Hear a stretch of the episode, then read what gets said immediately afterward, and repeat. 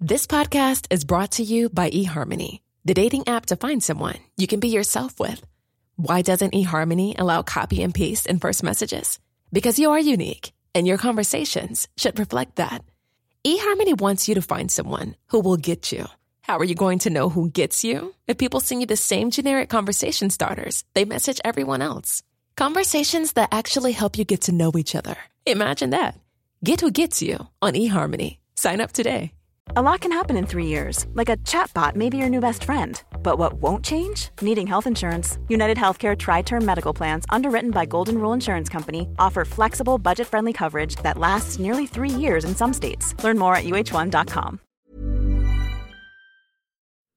Vi koste oss gløgg nede på Union scene forrige uke, da temaet var blekksprut. Gjest var marinbiolog Henning Rød. Som alltid så skal jeg nå ringe opp igjen til gjesten for å sjekke at uh, alt vi sa stemmer, og kanskje se om det var noe vi burde ha vært innom. God morgen, Kristoffer. God morgen. Du hørtes litt trøtt ut? Eh, ja, jeg var oppe i 60, ja. Men um, nå satt jeg akkurat og um, tenkte på mange ting samtidig. Hvis du tenker litt tilbake på kvelden, er det noe du føler ble galt eller upresist? Er det noe som trengs å korrigeres? Nei, en liten feil, merker jeg. For jeg, og jeg leita etter ordet, men da kom jeg selvfølgelig på Jeg sa sugeføtter, mens et par ganger i begynnelsen da mente jeg sugekopper. Ja. For de har ikke mange hundre sugeføtter, de har mange hundre sugekopper. Men nå er vi inne på noe som vi kunne ha snakket om også. Vi snakker jo om uh, blekksprutarmer. Kunne vi sagt uh, blekksprutføtter isteden? Vi kunne det, vet du. Så, men, men, men, jeg føler på meg at de er mer armer i vår, i vår forståelsesverden enn de er føtter. Mm. For de har jo mye med, altså Våre føtter, hva mye klarer man å gjøre med de føttene? Mens de er, de er ja, Nei, jeg vil kalle dem armer, altså. Men beveger de seg noen gang langs havbunnen og bruker det som om det var føtter? Ja, det gjør de. Ja. Og du har jo eh, En av disse blekksprutene er veldig flink til å etterligne andre dyr. Eh, Mimikeren den, eh, den, drar til seg flesteparten av føttene og snurper inn til kroppen, så den ser ut som, ser ut som en eremittkrepse. Og så bruker den de få beina den bruker til å gå med. altså Den virkelig går langs, langs på, på, bakken, eller på bunnen. og da, da prøver den å etterligne eremittkreft. For eremittkreft har et hardt skall, så det er ikke særlig viktig å spise den. Mm. Eller prøve å gå til angrep på den, for den skjuler seg bare inni skallet. Så er, da går de. Helt tydelig. Jeg hadde to ting som jeg hadde litt, litt, lyst til å snakke om, som jeg ikke rakk å ta med. Det ene som jeg syns var veldig gøy, er at noen har puttet en blekksprut inn i en CT-maskin.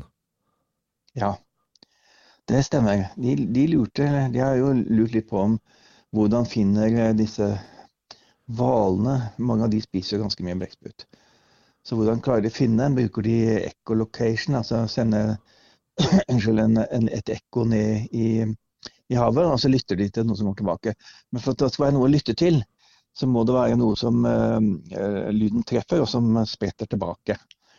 Og hos fisk så er det veldig greit. Da er det svømmeblæra hos fisken som gir et ekko tilbake til hvalen. Uh, Men det, vår kjære venner blekksprutene har jo ikke svømmeblære.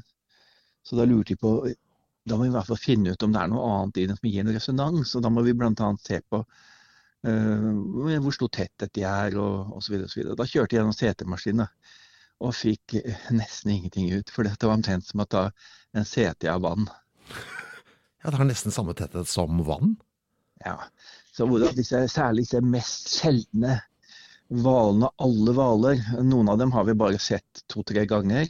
Noen har vi bare sett døde et par ganger. Og dette er nebbhvalene, en stor gruppe hvaler som lever midt ute i Atlanteren eller midt ute i Stillehavet. Det er den, faktisk den som døde ved Sotra, den som var full av plast i magen. Det var en nebbhval. Ja. Det var en gåsenebbhval. Og det er en svær gruppe hvaler. Nå husker jeg ikke helt 100 men jeg tror det er rundt 23 arter. Fra en lengde på 3-4 meter opp til noen og 20 meter. Hva er uh, din Jeg har en følelse av at blekksprut er ganske høyt på lista di av uh, interesser. Er, det som kan, er det noe som kan matche seg i havet, interessemessig for deg? Ja, men med enkeltarter, da.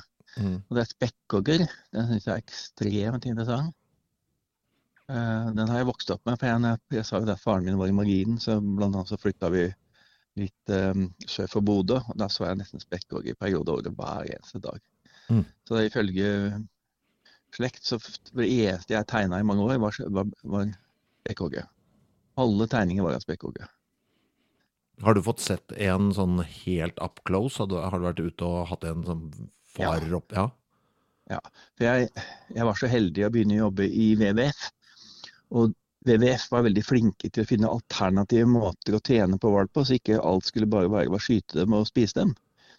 Og WWF var veldig mye involvert i det å starte opp hvals- hvalsafarier i, i bl.a. i Tysfjord-området. Og, og jeg var med liksom der og, og, og forklarte at dette kunne bli en god business. Og da hadde jeg med et hollandsk TV-team der en gang. Eh, har vi tid til en litt lang historie? ja, ja, ja. Ok. Eh, jeg fikk i begynnelsen av desember for ja, 15-20 år siden, så fikk jeg en telefon fra WWF i Nederland.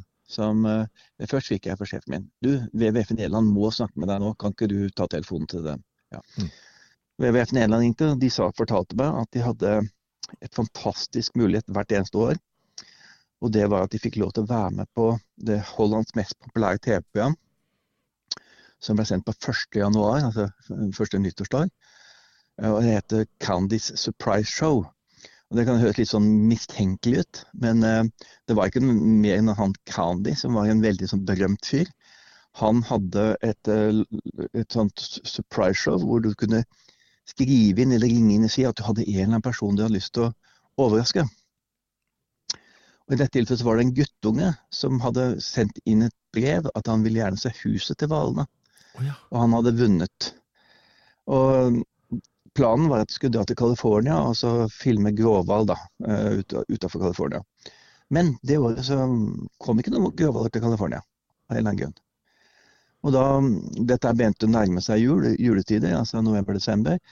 Og da tenkte jeg ja, men da drar vi til Australia og sender TV-team der, for der, er der er det også hval.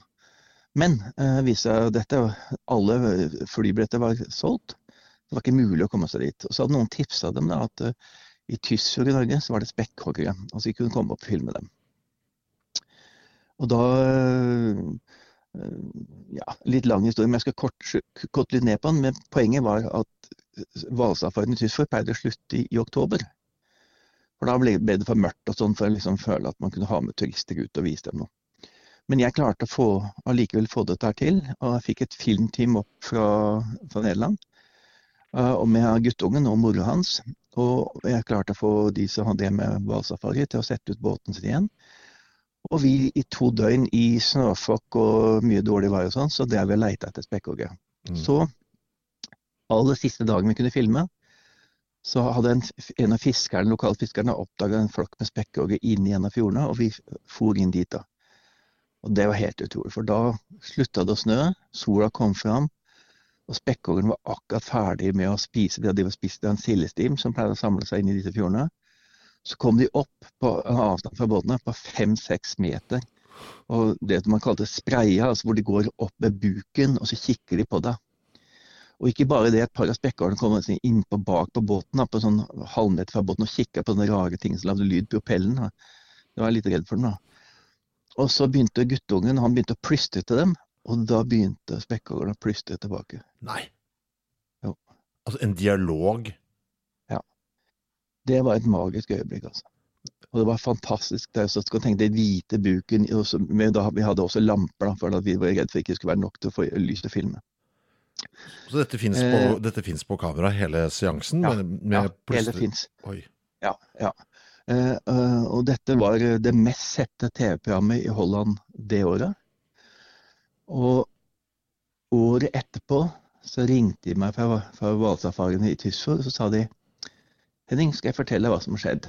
Du vet vi pleier å avslutte sesongen i oktober. Nå har vi akkurat avslutta sesongen i januar. Det har kommet flere tusen hollendere opp hit for å se spekkhogge. Ja, men Det skjønner jeg òg. Hvis du har sett på Ja. TV en liten gutt Ja. som sitter og plystrer um, fram og tilbake med spekkhoggere, altså klart vil Ja. gjøre det samme. Ja. Men er, det no, er, var det, er dette et engangstilfelle, tror du? Eller er det noe man kan bedrive? For nå vil jeg tro at alle hollendere som drar opp til Tysfjord, plystrer på spekkhoggere. Altså det Altså, de fleste sitter nok i disse store båtene, vet du. Eh, ikke så store båter, men sånn Vasafaribåter.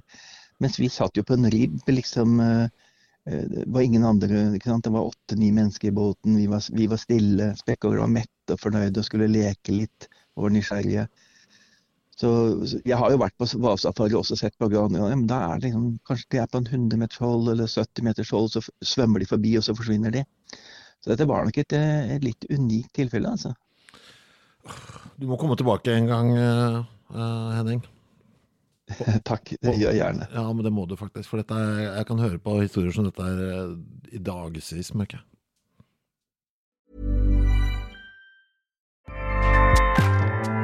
ACAST powers the world's best podcasts. Here's a show that we recommend.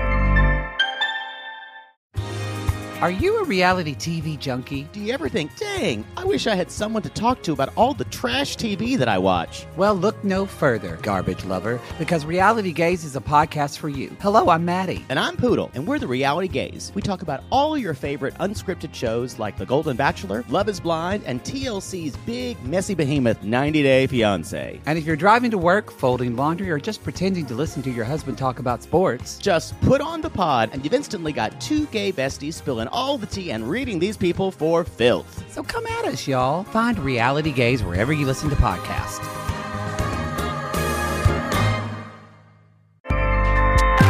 ACAST helps creators launch, grow, and monetize their podcasts everywhere. ACAST.com.